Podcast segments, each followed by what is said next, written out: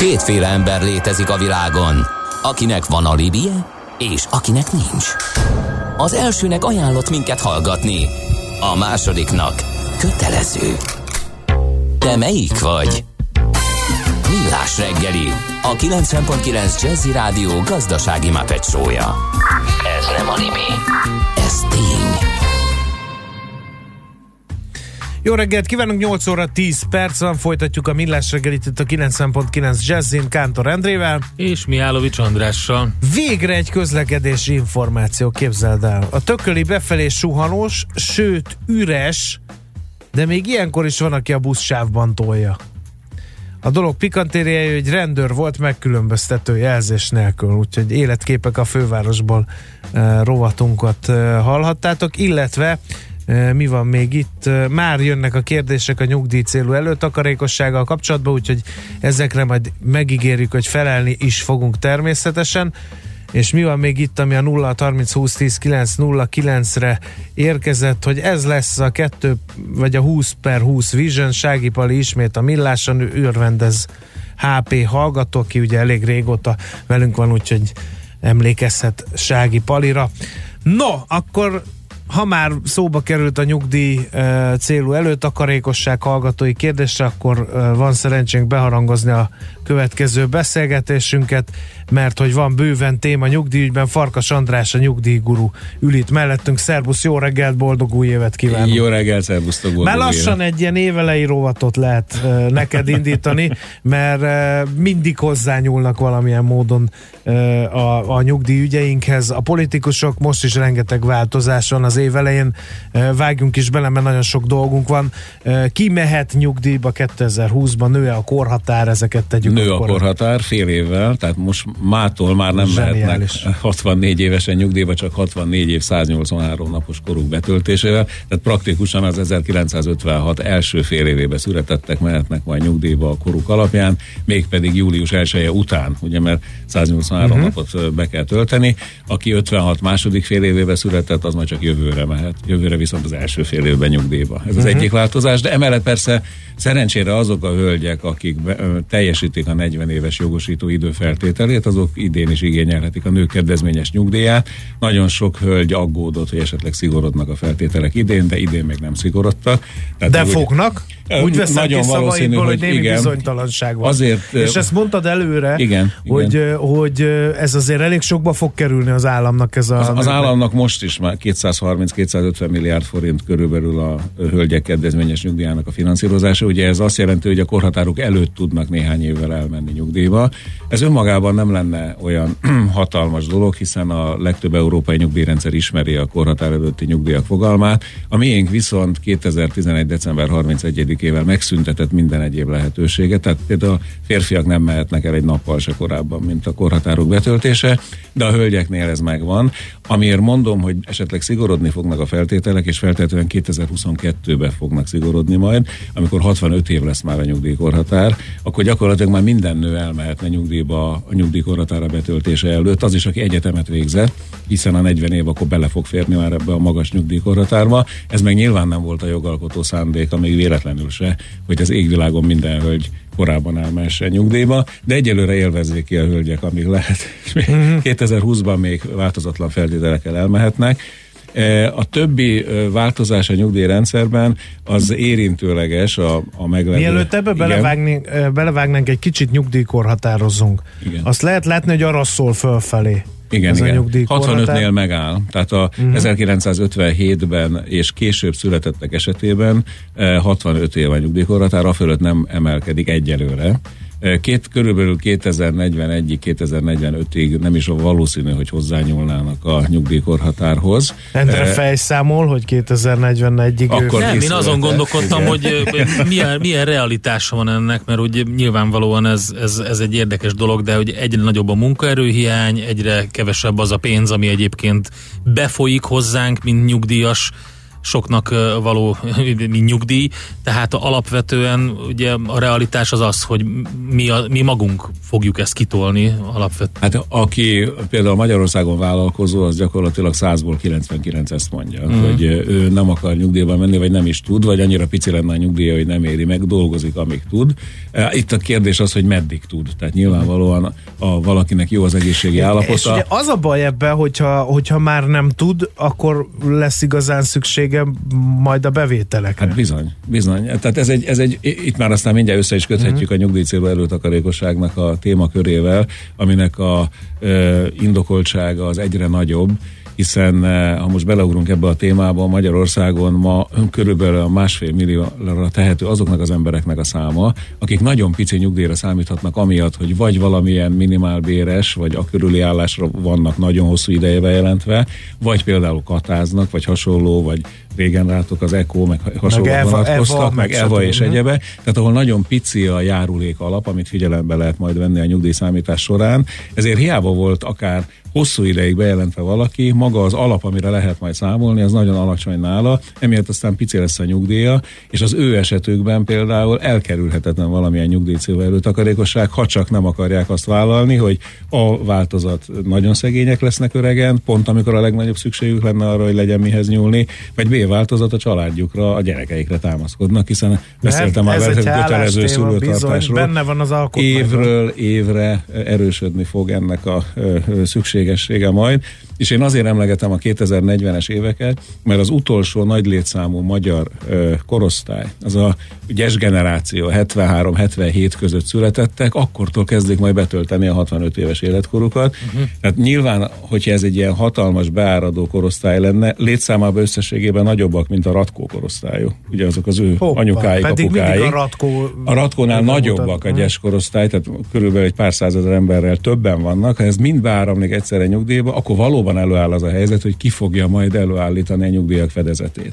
Persze számíthatunk arra, hogy a magyar gazdaság az folyamatosan évtizedeken át 6-7-8 százalékkal nő, de hát nyilván ez tökéletesen irreális várakozás. Egyébként pedig nem lehet annyi, a hagyományos módon annyi fedezetet előállítani a nyugdíjakra, ami erre a nagyon-nagyon sokkal több nyugdíjasnak a nyugdíjára. Van erre egy szükség. számítás? Biztos, hogy van nyilván. Tehát, hogy, hogy, hogy ez mekkora terhelést jelent egyébként a költségvetésnek? Hát annyit tudjatok, hogy a ö, nyugdíj költségvetés, a nyugdíjkassa az évente nagyjából 3300 milliárd forintos nagyságrendű. Értem. Most most. És akkor, e, akkor az még egy, egy, egy jó nagy növekedés, ugye? Ha most e, azzal számolunk, hogy nem, most egy jelen pillanatban 2 millió 70 ezer öregségi nyugdíjassal számolhatunk, akkor meg fölmegy 2 millió 400 ezerre az öregségi nyugdíjasok uh-huh. száma. Tehát látszik, hogy egy ilyen majdnem 300, majdnem 400 ezeres növekedéssel kell számolni, akkor innen ki lehet kalkulálni, hogy mennyivel több pénzre lenne szükség, de azt honnan fogjuk előállítani, hogyha kevesebb az aktív dolgozó, aki járulékoltatni lehet, és sajnos nem állt meg egyáltalán az a demográfiai szivattyú, hogy a közp- az erős európai gazdaságok kiszippantják a fiatal munkaerőt Magyarországról is, meg hát persze az összes többi közép-kelet-európai országból, emiatt aztán az itthon maradókra sokszoros terhelés járul, mert hogy kevesen is vannak, meg elvileg többet kéne nekik járulékban, vagy hmm. valamilyen közterben előállítani. Mindig, amikor veled beszélgetünk, eszembe jut az a kérdés, hogy ez az egész fejlett világnak a problémája, ez, ez a nyugdíjrendszer, ez, ez a fenntartatatlan nyugdíjrendszer. Még soha senki sehol nem talált ki valamiféle reformtervezetet, mert itt most egy, egy gyökeres és, és alapvető átalakításra lenne szükség, legalább akkorára, mint amit jelentett annak idején ennek a rendszernek a bevezetése. Ami egyébként nem volt olyan régen, hiszen 1891 az első ilyen rendszer, a híres Bismarcki nyugdíjsegélyrendszer, Magyarországon 1927 óta van egyáltalán társadalombiztosítás, tehát látjuk, hogy ez ilyen száz éves távlatokról beszélünk, az akkor teljesen más helyzethez egy jól odaillő rendszert sikerült összeállítani. Most mivel teljesen más a helyzet, megint csak újra kell majd ezt a szabályozni, de hogy nem a világon mindenhol ezzel a problémával küzdködnek, rengeteg megoldási javaslat van. Ugye emlegetik a holland mintát, emlegetik a svéd mintát, emlegetik a brit mintát. Egy csomó olyan nyugdíjrendszer van, ami egy kicsit más módon szerveződik meg, mint például a magyar. A magyarhoz hasonló módon szervezett osztrák nyugdíjrendszer is például tökéletesen működik, tehát nyilvánvaló, hogy az adott országnak a fejlettségi szintjétől rendkívüli mértékben függ, hogy mennyit tudnak a nyugdíjra fordítani. Ez egy olyan politikai döntés, hogy most melyik társadalmi csoport részesítem előnyben. Az öregeket, a fiatalokat, a családosokat, a, a képzetteket, a képzetleneket, a falusi lakos, és így tovább. Tehát ez állandó mérlegelés kérdése, és ebben a mérlegelésben a politikát egyre inkább nyomasztani fogja az, hogy egy hatalmas választó tömegről van szó, amikor a nyugdíjasokról beszélünk. Hát már, önmagában már két millió, millió ember. Két hát millióról két és fél ez bármit Az a negyede, igen, igen, igen. igen. Hát a negyede a teljes lakosságnak, de a választópolgároknak sokkal nagyobb hányada, úgyhogy oda kell rendkívül figyelni. Nem véletlenül az amerikai választásokat is el tudják dönteni a nyugdíjasok, különösen, hogy most... Hát igen, a Florida az mindig egy érdekes Igen. Florida már gyakorlatilag már olyan, mintha egy eh, nyugdíjas falancter lenne, hogyha jártatok mostanában. Úgyhogy...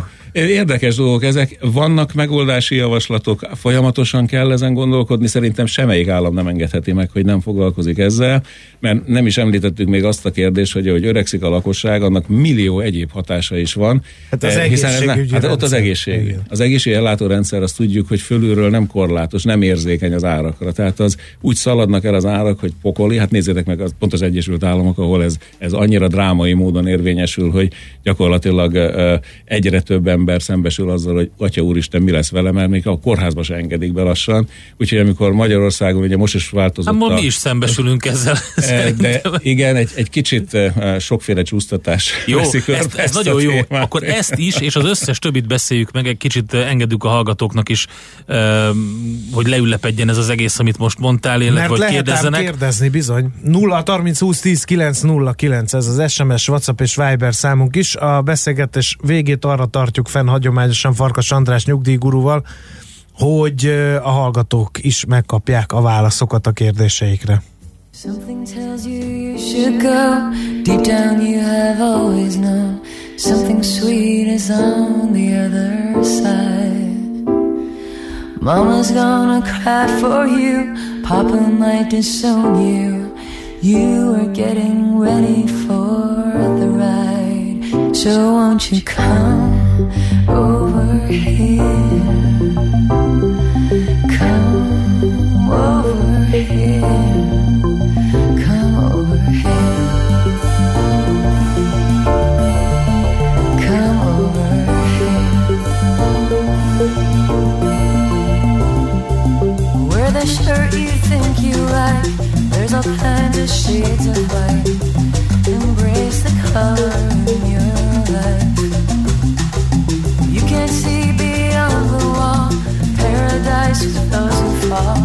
out of grace or simply out of sight. So won't you come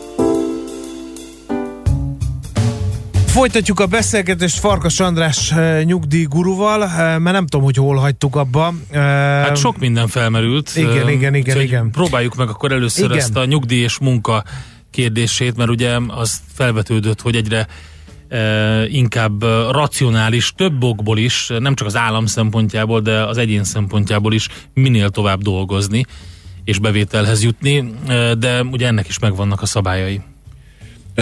Nagyon sokat enyhültek a nyugdíj melletti munkavégzésre vonatkozó szabályok. Például 2019. január 1-től, ha munkaviszonyban dolgozik a nyugdíja mellett a nyugdíjas, akkor nem kell neki semmilyen járulékot fizetni, már tavaly se kellett. ez megmaradt idénre is, ami azt jelenti, hogy 18,5 százalékos lett az új összevont társadalombiztosítási járulék, az alól teljesen mentesül a nyugdíjas munkavállaló. Ezt kiterjesztik, hála Istennek, július 1-től, tehát fél év múlva, az összes jogviszonyra, bárhogyan dolgozik a nyugdíjas a nyugdíja mellett, tehát kiegészítő vállalkozó, megbízott, akármilyen jogviszonyban, a jövedelme keresete teljes mértékben mentesül a járulék alól. Uh-huh. Ez azért jó hír, mert 18,5%-kal így nő gyakorlatilag a, az ő nettó pénze ahhoz képest, a, pontosabban az a pénze, ami után még kell neki 15% esziát Tehát ebből látszik, hogy a kormány a felé terelni a nyugdíjasokat, hogy mindenki dolgozzon, ameddig csak így tud. Így van, így van, dolgozzon, amíg csak tud és amíg lehet.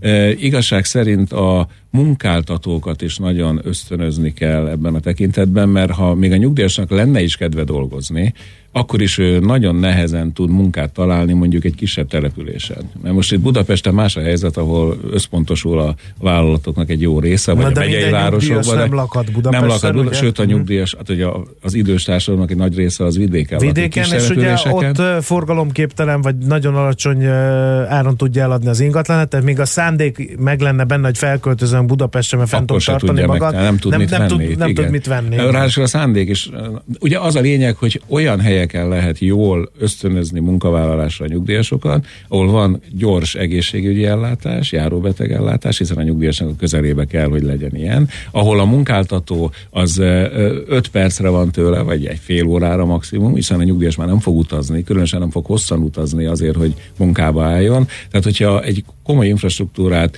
kiépítünk a nyugdíjasok foglalkoztatására, akkor annak egyik eleme a helyén van, hogy ösztönözzük a munkavállalásra azzal, hogy járulékmentessé tesszük. Ösztönözzük most a munkáltatókat azzal, hogyha munkaviszonyban foglalkoztatnak nyugdíjast, akkor ők teljesen mentesülnek a szociális hozzájárulási adó, meg a szakképzési hozzájárulás alól. Tehát ők is 19%-ot spórolnak a munkáltatók egy, egy nyugdíjas munkavállalón.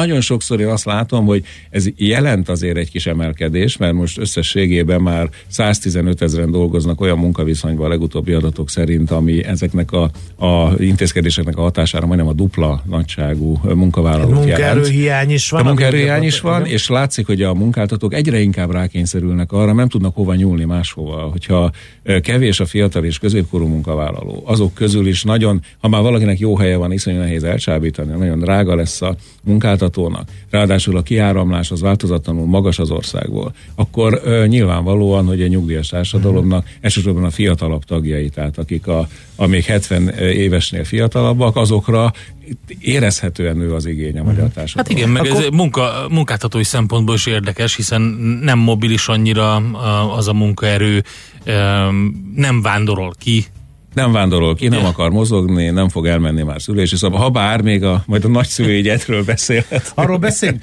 viszont hadd legyek egy kicsit provokatív.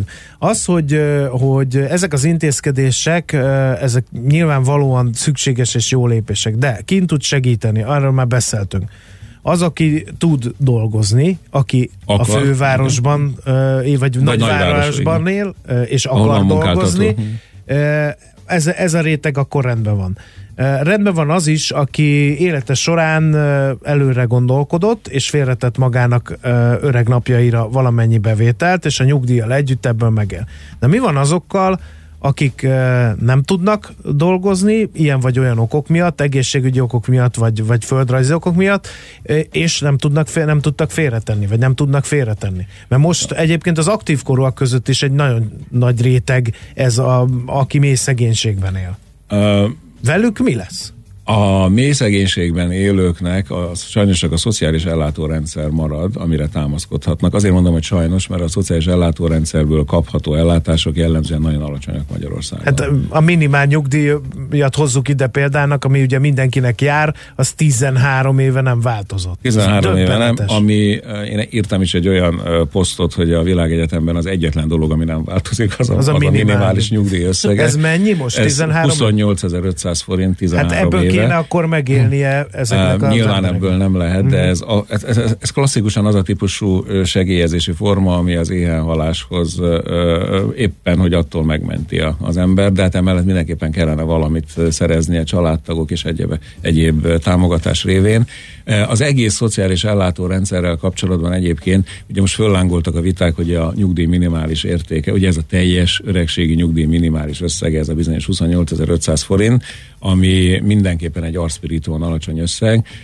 Ezt már réges-régen le kellett volna választani a szociális ellátásokról, hiszen most az az indok, hogy azért nem emelkedik ez a, a minimális nyugdíj, aminek egyébként a nyugdíjrendszeren belül a jelentősége gyakorlatilag nulla tehát a, a, hát az egész kasszához az, képest... Az, az, igen, ez, ez semmi, hanem a, a szociális ellátórendszer, meg a családvédelmi ö, ö, intézkedéseknél, a, ugye a gyermeke, ö, a, a gyesnek az összege, meg a gyetnek, a, a, a fő, főállásanyaságnak az összege, és még azon kívül, hogy 30 egyéb ellátás összege, ahhoz van kötve, hogy a minimális nyugdíj összege éppen mennyi, és emiatt nehéz mozgatni, mert akkor ugye több száz milliárddal ugrálna a kiadási mutató, hogyha megemelnék jelentősen. Hát akkor át kell sorolni. Hát persze, a minimális nyugdíjat le kéne választani, ez maradjon a nyugdíjrendszerben, ott akkor nyugodtan meg lehet emelni. Egyébként, ha csak a saját valorizáció szorzójával megszoroznánk, ami a 2008-as bérekre vonatkozik, és a nyugdíjszámítás során kötelező alkalmazni a kormányzat által évente meghatározott valorizáció szorzókat, akkor a minimális nyugdíj összeg, ami 2008-ban a megállapításkor 28.500 forint volt, ma már 56.000 forintnak kellene lennie.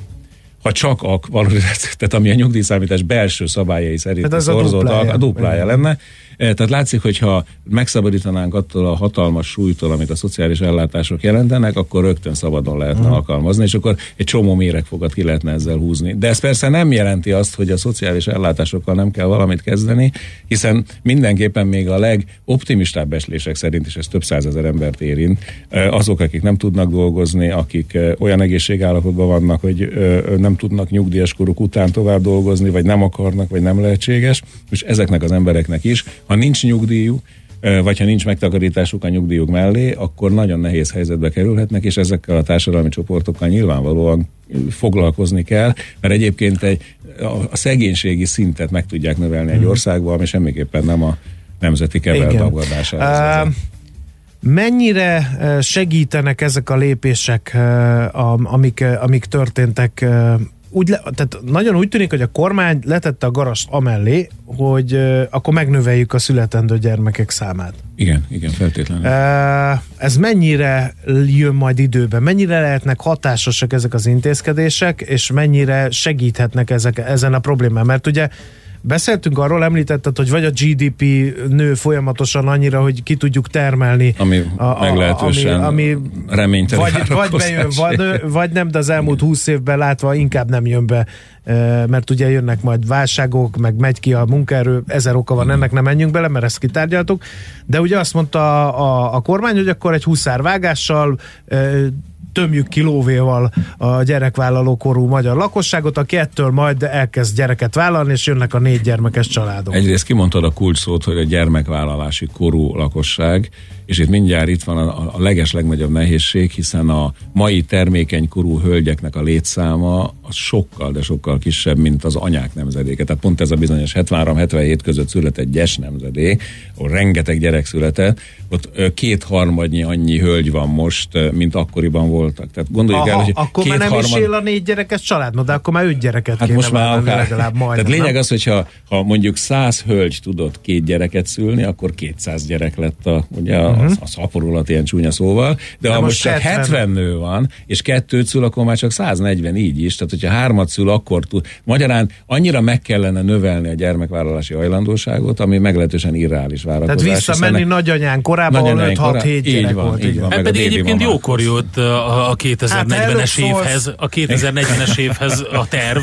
ugye? Mert akkor elvileg már a 18 évet betöltött igen, igen, munkavállalók ez, ez ellepték volna a munkaerőpiacot. borzasztóan fontos dolog, hogy a, a, az a nagyon drámai visszaesés, ami jellemző volt Magyarországra, amikor a úgynevezett teljes termékenységi rátánk az lement 1,3 alá, vagyis azt jelenti, hogy 100 nőnek kevesebb, mint 130 gyereke volt. Most éppen 100 nőnek van, 147 van a mostani adatok szerint, uh-huh. de ez még mindig iszonyú messze van attól, hogy egyáltalán a, a populáció hogy önfenntartása szükséges 210-es, tehát 2,1-es termékenységi rátát elérjük. Ezt a, a 21. század viszonyai között borzasztóan nehéz megtenni, hiszen a, a, egy minden egyes fejlődő ország, vagy fejlett ország, fejlő, fejlődőkben még nagyon sok gyerek születik, de minden egyes fejlett országra jellemző, hogy drámaian lecsökken ez a termékenységi ráta. Aztán utána, amikor ez olyan, mint egy termékenységi inga, egy ilyen demográfiai inga ide-oda leng, és most éppen nagyon messze kilengtünk a negatív oldalra, szép lassan jön majd vissza, de semmiképpen nem várható el, hogy kétharmad annyi hölgy legalább annyi, vagy még több gyereket szüljön, mint az ő édesanyáik vagy nagymamáik, hiszen egész egyszerűen ez a mai korszak követelményeivel nagyon nem jön össze, mert így akkor mi van a női emancipációval? Egyrészt mi van, másrészt viszont ugye függetlenül attól, hogy ki és mennyire sok pénzt ad, vagy ahogy András fogalmazott, tömi ki, azért egy gyereknek a 18 éves koráig való eljutatása az milliós nagyságrendben minimum annyi, tehát minimum 18, de inkább több millió forint. Plusz úgy, ugye az édesanyák, amik összeg... kiesnek a munkaerőpiacon, megint térdellőjük magunkat, mert ugye az Igen, csak az egyiket azt te fizeted. Tehát a, Mindegyiket te, én fizetem te, te, te, te, te, mint család fizeted szemében. azt a három gyereket, ugye, akkor az már minimum 60 millió, tehát, hogyha úgy nézzük, tehát az elég érdekes a szituáció szerintem. És, és ezt egyedül kell, mert ugye anyuka otthon van gyesen, nagyon helyesen tehát egyébként. Ez is jellemző egyébként eh, minden modern eh, kori nyugdíjrendszerre, hogy amikor arra építünk, hogy az aktív korú dolgozók befizetései teremtik elő a nyugdíjak fedezetét, akkor ugye borzasztóan érzékeny a rendszer arra, hogy hányan vannak ezek az aktív korú dolgozók. És ez ugye folyamatosan csökken, most már évtizedek óta ez a szám. Ez nagyon-nagyon nehéz lesz, nem hogy megfordítani, egyáltalán szinten tartani, hogy ne zuhanjon tovább. Emiatt kell keresni olyan megoldásokat, amikor nem csak attól függ egy nyugdíjrendszer bevétele, hogy hányan dolgoznak, és ők mennyit keresnek, és arra mennyi járulékot lehet kivetni, hanem egyéb módokon. Ugye itt mindjárt be lehet hozni azt a kérdést, ami nagyon sok embert idegesít, hogy mi van a robotikával, a, a uh-huh. mesterséges intelligenciával, vagy a termelőszférába eltűnik a munkaerő, akkor ki lesz az az ember, aki egyáltalán hát keres annyit, amire lehet. Mondják, hogy megadóztatják a majd a robotokat. és egyéb. De hát ez, ez azt jelenti, hogy a rendszer teljesen át kell alakítani. Ezen el kell kezdeni már most gondolkodni. Sokféle elképzelés van. Én nagyon régóta például a fogyasztási adókhoz kötném a nyugdíjrendszer finanszírozását, lenne egy minimális nyugdíj, és amellé egy kötelezően elrendelt nyugdíjbiztosítás, ami egyébként vannak ennek is mintái, például a brit rendszer nagyon hasonlóan működik ehhez. Most bedobtad a követ a, az óceánba ezzel, mert kötelező nyugdíj, igen, persze, aztán majd államosítják, mindjárt jönnek az SMS-ek, csak figyeld a nyugdíj, meg. Egyébként ma is kötelező a nyugdíjbiztosítás, csak nem tudunk róla, ja, mert igen. különben a saját gyerekeinket terheljük le. Igen. Folytatjuk a beszélgetést a hírek után is. Farkas András, a nyugdíjgurú van itt velünk. Hogyha kérdésetek van, akkor lőjétek 0630 20 10 909. Műsorunkban termék megjelenítést hallhattak. Rövid hírek a 90.9 Jazzin. Az év első munkanapjának délelőttjén már 161 fővárosi álláskereső kért ingyenes tömegközlekedési bérletet januárra, tudta meg az RTL Klub híradója. A legfrissebb adatok szerint 14 ezer regisztrált álláskereső van Budapesten. Közben 15%-os emelést kérnek a BKV dolgozók. Az Egységes Közlekedési Szakszervezet vezetője szerint elfogadhatatlan, hogy a munkatársak úgy kezdtek neki az évnek, hogy nem tudják mennyi pénzért dolgoznak. Nagyot esnek az idén a felvételi ponthatárok, az ősszel induló képzésekre február 15-ig kell beadni a jelentkezéseket, 63 intézményből 7000 képzése közül lehet választani, igaz a fiatalok többsége évről évre ugyanarra a 40-50 közkedvelt szakra jelentkezik. A száz éves Bálint gazdát választották meg az évemberének. Az RTL híradó nézőitől az országszerte ismert kertész kapta a legtöbb voksot a szavazáson. Bálint György tavaly nyáron lett száz éves, és még mindig nagyon aktív a kertészkedésben. A Facebookon 400 ezernél is többen követik. Az időjárásról a köd az ország északi keleti felén maradhat meg, több napsütés a Dunántúlon ígérkezik. A borongós tájakon mínusz 2 plusz egy, máshol 2-7 fok között alakul a hőmérséklet. A hírszerkesztőt László B. Katalint hallották hírek legközelebb fél óra múlva. Budapest legfrissebb közlekedési hírei, itt a 90.9 jazz a fővárosban baleset történt az Üllői úton kifelé a Nagyvárad térnél, a busz megállónál. Egy sáv járható.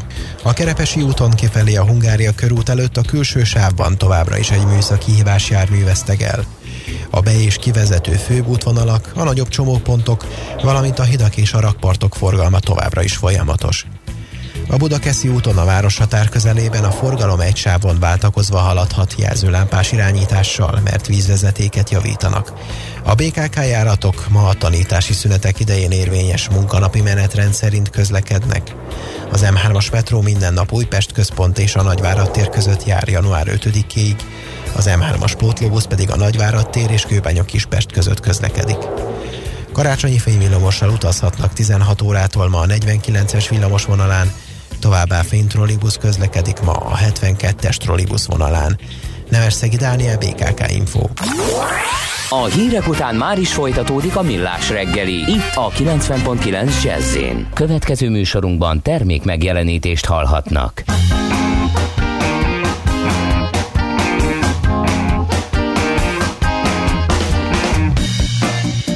They say,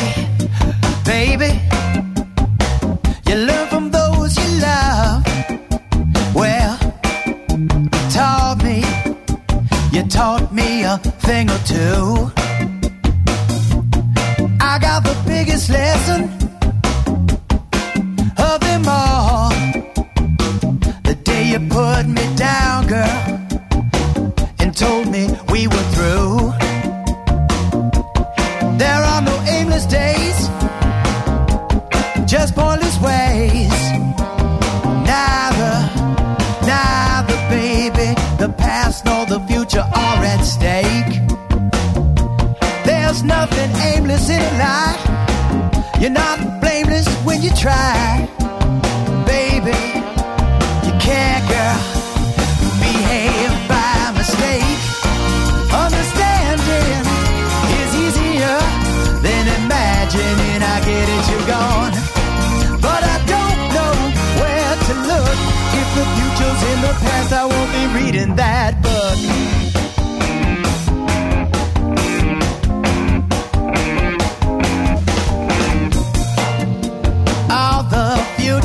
so uncertain.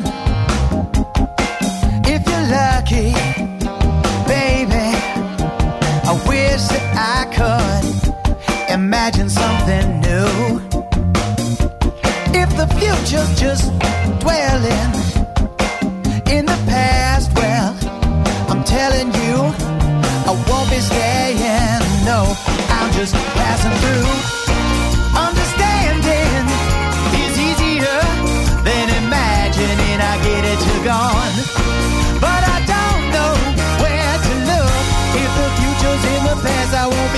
that. But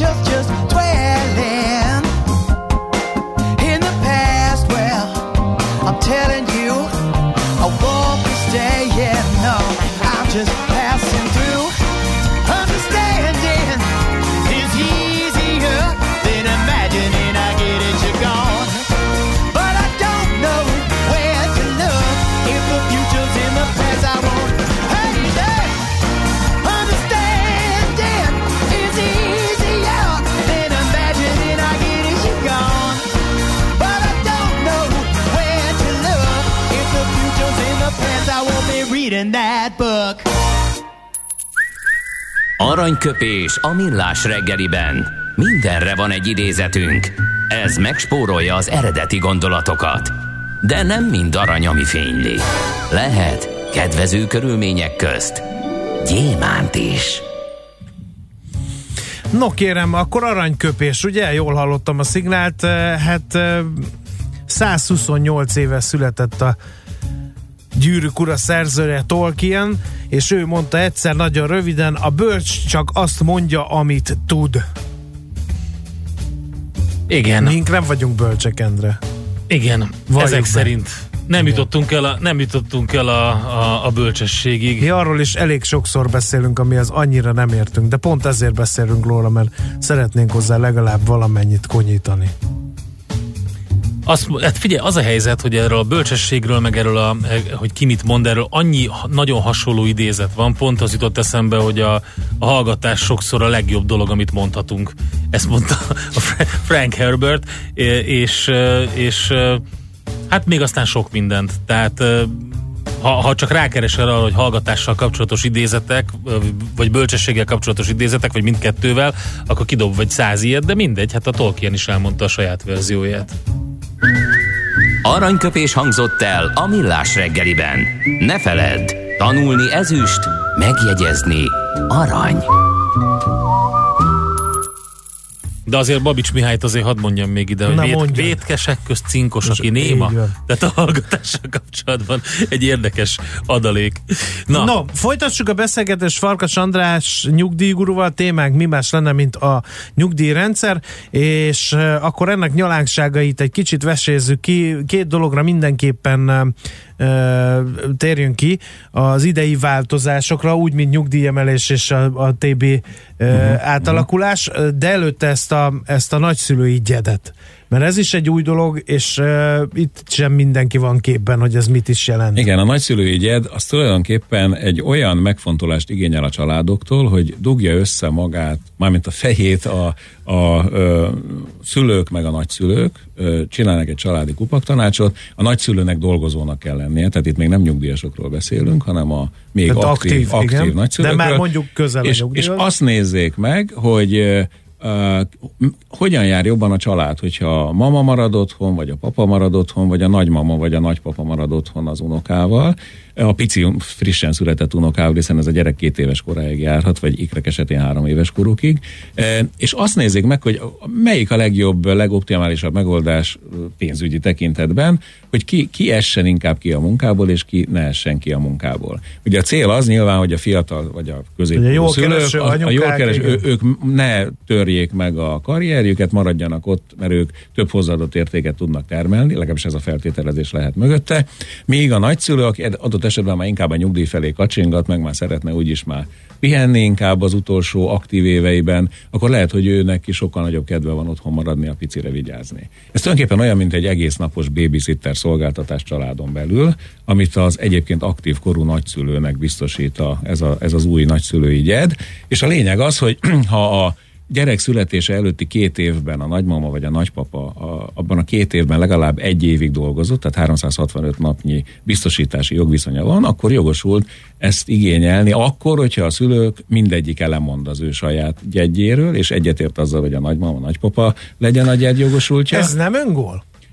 Mert nem. hogyha az anyukákat nehezen veszik vissza a gyes után a munkahelyre, akkor egy nyugdíjhoz közel álló korút, vagy közelebb álló korút, A, bejött az a módosítás a munkatörvénykönyvébe, hogy ugyanúgy Vissza kell kiemelt ö, kategória persze a nagyszülői egyed után visszajövő is, de hát a, a, pont a lényeg az, hogy jellemzően nem biztos, hogy vissza akar már menni dolgozni, hanem pont a nyugdíj előtti években inkább a gyerekekkel akar foglalkozni, és tudjuk, hogy ez egy hatalmas evolúciós törvényszerűség is, hogy a nagymamák szerepe az egész emberi faj fejlődésében milyen kiemelt volt. Ennek most van egy plusz pénzügyi támogatása is, amivel egyébként maximálisan egyet lehet érteni. Egy dolog nagyon nehéz lehet, ugyanis a gyerek nem kerülhet ki a szülők gondozásából, tehát nincs olyan, hogy a nagymama elviszi magával, és egy fél évig, negyed évig, egy hónapig, bármit, ott van falun, vagy valahol vele, hanem vissza kell minden este kerülni a szülőkhöz a gyereknek. Ezért aztán gyakorlatilag ez egy akkora korlát, hogy csak az egymáshoz közel álló, vagy legalábbis azonos településen lakó szülők, nagyszülők esetében hát jöhet vagy ide ez költöztetjük Vagy ide, édesanyádat. az is lehet, mondani, ide költöztetjük. Igen, ez-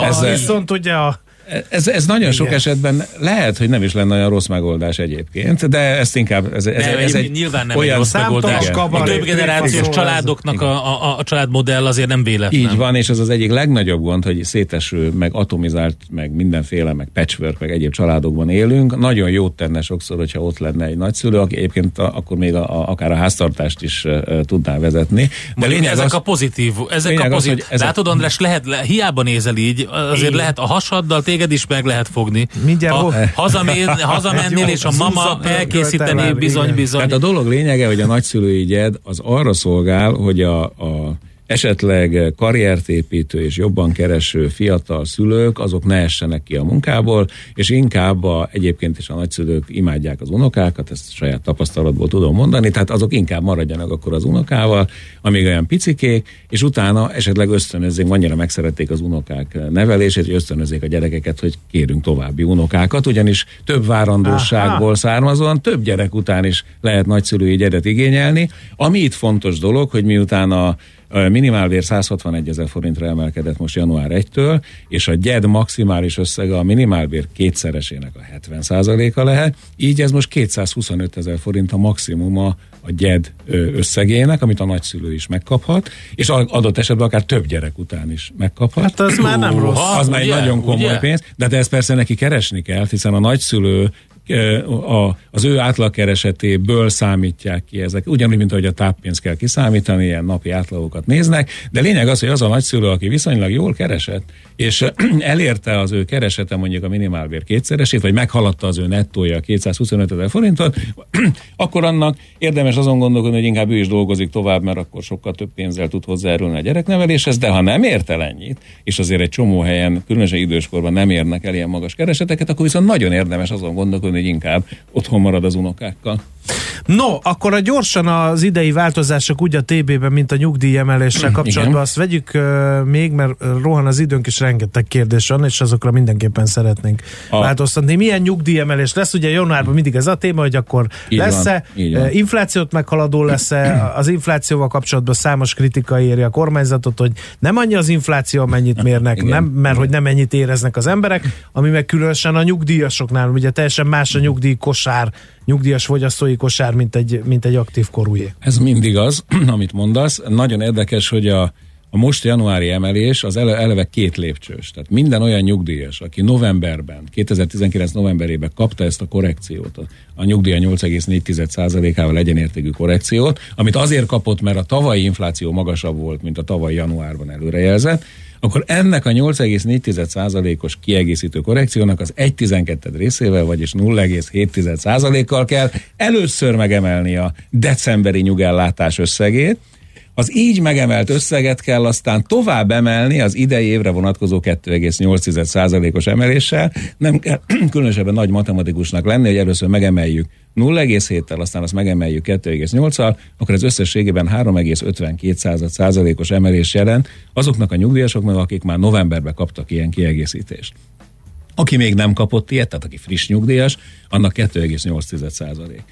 Természetesen lehet végtelen vitákat nyitni arról, hogy ez most elegendő-e vagy sem. Hát igen, főleg, nyilván, főleg a minimál nyugdíjon tengődők számára azért az, az alapvető igazságtalanság a rendszerben nem is az, hogy az inflációt követi, hiszen a európai nyugdíjrendszerek több mint felében csak az inflációt követi a nyugdíjemelés. Uh-huh. Az igazságtalanság abban van, hogy egységes százalékos mértékben van meghatározva. Igen. Tehát, Tehát a 30 ezer forintos igen. nyugdíjasnak ugyanúgy 2,8 vagy 3,52. Mint a 3, mint a 3 milliósnak. Tehát ez teljesen őrültség. Ezen azonnal változtatni kéne. A sógorék, osztrákoknál már réges-régen megoldották a sávos nyugdíjemeléssel. Az összességében az osztrák nyugdíjat is csak annyival emelik, amennyi ott az előrejelzett infláció, mégis ezerszer igazságosabb és méltányosabb, ott általában öt részre szeletelik uh-huh. fel a nyugdíjasokat, és akinek pici a nyugdíja, sokkal nagyobb összegű emelést kap, akinek meg magas a nyugdíja, az vagy egyáltalán nem kap, van egy felső határ, vagy pedig egy meghatározott euróösszeget kap, egy kicsi euróösszeget, tehát nem az van, hogy egy millióra kapok én 200 vagy 28 ezer forintot, még a 100 ezer forintra megkapok 2800 forintot, tehát tízszeres, meg há, akár még ennél magasabb eltérések is vannak a rendszerben, ott figyelnek arra, hogy három-négyszeres eltérésnél ne legyen magasabb. Az emelés, hiszen az emelés az már nem azt jelenti, hogy én tovább akarom szakítani a nyugdíjas társadalom tagjai közötti jövedelmi szakadékot, hanem megpróbálom egységesen. Na de hát ez teljesen jellemző, sok minden másra is jellemző, tehát itt nem csak a nyugdíjrendszerre, tehát hasonló igazságtalanságok előfordulnak más uh-huh. szinten is. De nézzük a kérdéseket, Jó. akkor mire kíván kíváncsiak a kedves Igen. hallgatók, akik ilyenkor Gyors is ébren válaszokat velünk. remélünk. A rendszer igazságtalan, ha a karriert előtérbe helyező magas fizetés mellett több nyugdíjat kap, mint az, aki felnevelt három gyereket, miközben az a három gyerek kell, hogy kitermelje a gyermeket nem vállaló, vállalók nyugdíját is. Ez egy nagyon régi probléma, folyamatosan gondolkodnak ezen a nyugdíjszakértők, hatalmas konferenciákat is szerveztek, hogy a gyerek neveléstől hogyan függjön a nyugdíj. Egyelőre a mai nyugdíjrendszerben az van, hogy ez egy, a, a nyugdíjat az, az egy olyan szerzett jog, amit a szolgálati idővel és a járulékfizetés alapjául szolgáló jövedelemmel lehet megszerezni. A szolgálati időbe a gyereknevelés beleszámít, sőt a nők kedvezményes nyugdíjára jogosító időbe is beleszámít, átlagosan főszabályként legfeljebb 8 év időtartamba, tehát ez a része ez a nők számára kedvező rendelkezés. Van egy még egy kedvező rendelkezés, hogy mivel ezeknek a gyermekvédelmi, meg gyermekellátási támogatásoknak az összege jellemzően azért nem annyira magas, ezért akkor kell csak figyelembe venni a nyugdíjszámítás során ezeknek az összegét, hogyha az nem rontaná a pozícióját a, az adott hölgynek a nyugdíjigénylés során. Tehát ez egy ilyen kettős biztonsági rendszer, a szolgálati idő beszámít, de a keresetbe csak akkor, hogyha nem rontja az ő helyzetét. Az igaz, hogy olyan típusú rendelkezés nincs a magyar rendszerben, hogy minden gyerek jár, után járjon automatikusan valamilyen nyugdíj növelés, emelés, vagy százalék, vagy pont, vagy akármi, mindenféle elképzelés van.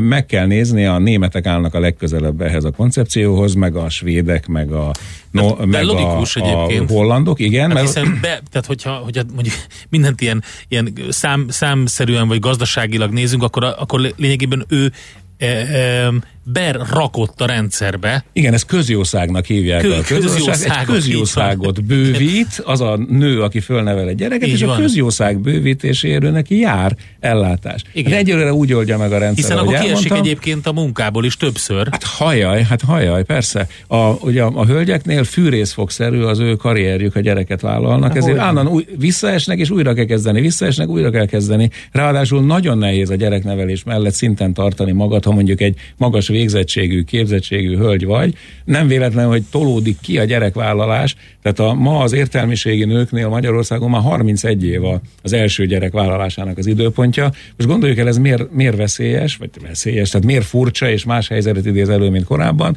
mert így a második, harmadik gyereknek a bevállalása már egyre nehezebbé válik. Hiszen az elsőt is valahol a, abban a korban vállalja, ahol a anyáink, nagyanyáink már a negyedik, ötödik gyereknél tartottak.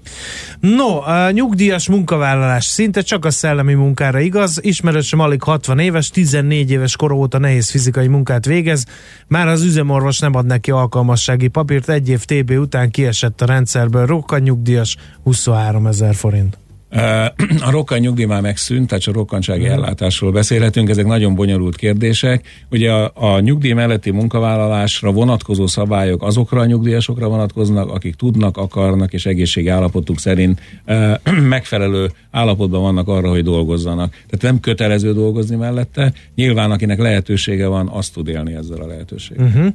Aztán eh, mindig arra hivatkoznak, hogy sok lesz az idős és kevés az aktív dolgozó, akik nem tudják eltartani a nyugdíjasokat, de a járulékokat ma is adómódjára szedik be. Arra fordítják, amire gondolják. Másrészt, ha kevesebben dolgoznak, a GDP nem fog csökkenni, mert a robotok mesterséges intelligencia pótolja a kieső jövedelmet, illetve a járulékokat, a robotokat is lehet adóztatni. Az csak kormányzati döntés kérdése, hogy az egészségügyre, nyugdíjra vagy mire fordítják a bevételeket. Szerigény becslések szerint a robotizáció miatt a mai dolgozók 20%-a ma is elküldhető lenne. Tehát lesz, akire járulékat lehet kivetni. Erről beszéltünk már a Igen. műsor elején.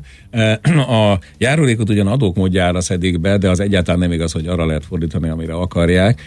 Meg van határozva a törvényben, pontosan az új társadalom biztosítási ellátásról szóló tör, az új TB-jében is, meg benne van a nyugdíjtörvényben is, hogy hogyan kell ezeket a bevételeket felosztani, tehát nem lehet ide-oda rángatni. Jellemzően nem a járulékokból kell finanszírozni egyéb ellátásokat, vagy egyéb társadalmi feladatokat, hanem pont adóbevételből kell kiegészíteni a járulékokat, mert a járulékok azok már idén is, meg tavaly is, meg tavaly előtt is minden évben többé-kevésbé különböző mértékben, de szorulnak külső támogatásra, amikor az adóbevételekből kell kiegészíteni. Uh-huh. Adja Isten, hogy annyira jó legyen ez az egész robotika, meg ipar 4.0, 5.0, hogy csak ömöljön a pénz, de ha mégsem, akkor arra is fel kell uh-huh.